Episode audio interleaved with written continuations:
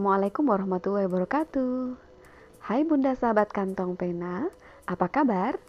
Nah, hari ini kita akan bercerita tentang satu hal yang sangat uh, rumit sekali sebagai bunda, yaitu bagaimana mengatasi anak yang sedang tantrum. Tentunya bunda sekalian pernah mengalaminya kan? Atau mungkin saat ini kita masih terjebak tentang bagaimana ya sedang mencari-cari cara yang tepat bagaimana menghadapi anak saat marah yang mungkin teriak-teriak, melempar-lempar atau bahkan gulung-gulung di tempat umum. Nah, segmen kali ini kita akan membahas cara detail beberapa tips tentang bagaimana mengatasi anak saat tantrum. Jangan melewatkan adalah ajak anak berbicara.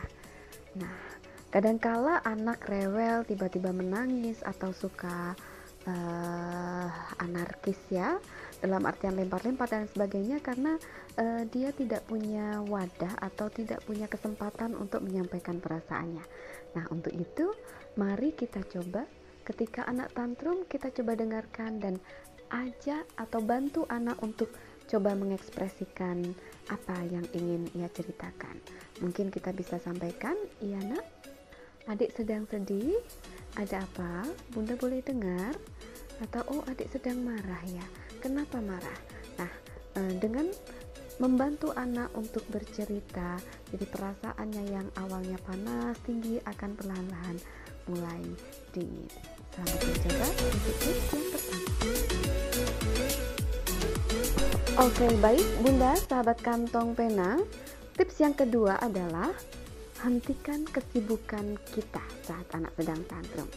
Jadi Bunda sebisa mungkin saat kita memasak atau we do a kind of daily routine, we do chores dan lain sebagainya, maka kita upayakan untuk berhenti sejenak, kita fokuskan pandangan kita, energi kita pada buah hati kita. Nah, apa tujuannya? Karena dengan memberikan perhatian ya anak merasa diperhatikan, hatinya mulai bahagia, hatinya mulai merasa berarti dan uh, dengan waktu yang tepat dia mulai berpikir tentang apakah saya harus marah-marah terus ataukah seperti apa. Sementara ibu atau ayahnya sudah mulai mendengarkan. Nah, coba dicoba ya Bunda. Tips yang kedua.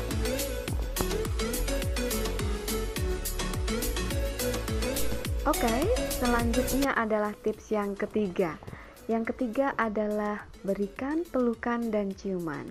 Nah, Bunda coba kita lihat anak siapa sih yang tidak mau dipeluk, juga tidak mau dicium, pastinya semuanya tidak pernah menolak ya.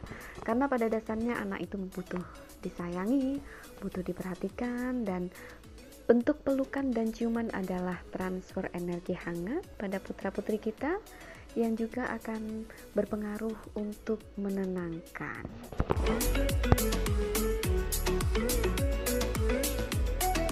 Nah, selanjutnya tips yang keempat, ini jika dari tips yang sebelumnya itu tidak uh, bisa diterima atau tidak bekerja dengan baik, maka Bunda sekalian bisa coba tips yang keempat, yaitu berikan waktu pada anak kita untuk sendiri, untuk menyadari, untuk berpikir.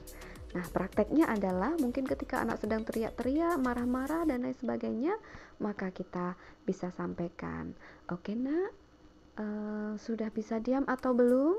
Oke, okay, kalau belum, ibu tunggu ya.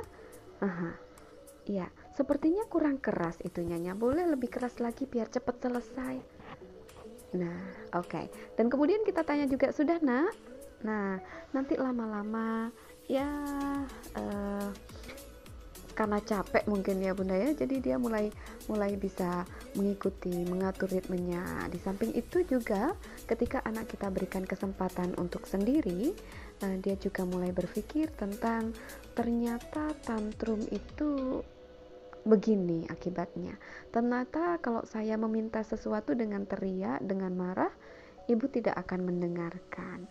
Nah, itulah uh, fungsi dari membiarkan anak untuk uh, pada zona pribadinya. Ya. Oke, Bunda, demikian tips mendasar yang bisa kita uh, pakai untuk mengatasi saat anak kita mudah marah dan atau tiba-tiba marah.